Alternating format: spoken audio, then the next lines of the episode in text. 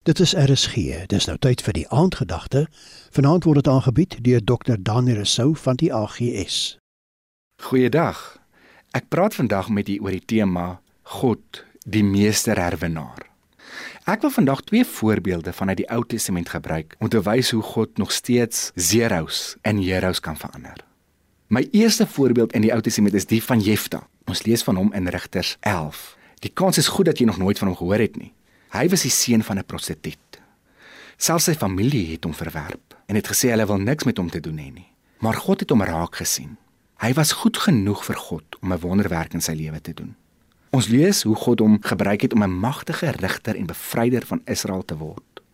God spesialiseer in die onmoontlike. God maak uit iets slegs iets moois. Hy's die meester herwinnaar.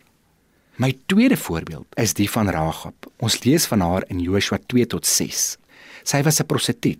Ons lees hoe Joshua en die Israeliete aan die vooraand van die intog van die beloofde land twee spioene na Jerigo gestuur het. Daar in die groot versterkte stad van Jerigo het Ragab gebly. Ek is seker mense het haar baie gespot en verwerp, net soos vir Jafta. Ons weet nie hoekom sy 'n prostituut was nie. Ek kan my nogal net indink dat sy dalk selfs in die aande as sy alleen gelê het op die bed, gesnik en gehuil het maar God het haar trane raak gesien. Sy was nie goed genoeg vir Jerigo nie, maar goed genoeg vir God. Want God het haar in gedagte gehad in sy meesterplan van oorwinning vir die Israeliete. Die twee verspieders het opgeëindig in haar huis waar sy hulle weggesteek het en met die val van Jerigo het net Rahab en haar familie oorleef. Sy wat 'n verwerpte prostituut en vyand van Israel was, word opgeneem in die volk van Israel en haar hele lewe verander. Maar die storie eindig nie daar nie. God hou daarvan om te pronk met groot dade en om verwerkte materiaal te herwin in iets pragtigs.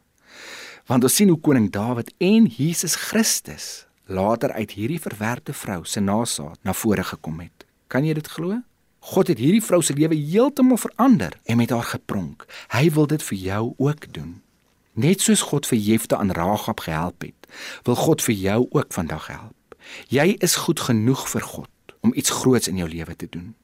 Dalk voel jy vandag soos 'n Jefta of soos 'n Ragab, asof jy nie goed genoeg is nie. Dan wil ek asseblief vir jou vra om hierdie volgende gebed saam met my te bid.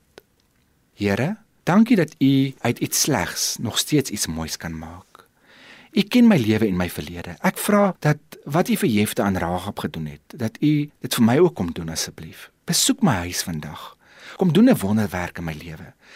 Sal hierdie weggooi stukkies in my lewe kom herwin in iets moois asseblief. Baie dankie dat ek in goeie hande is. Amen.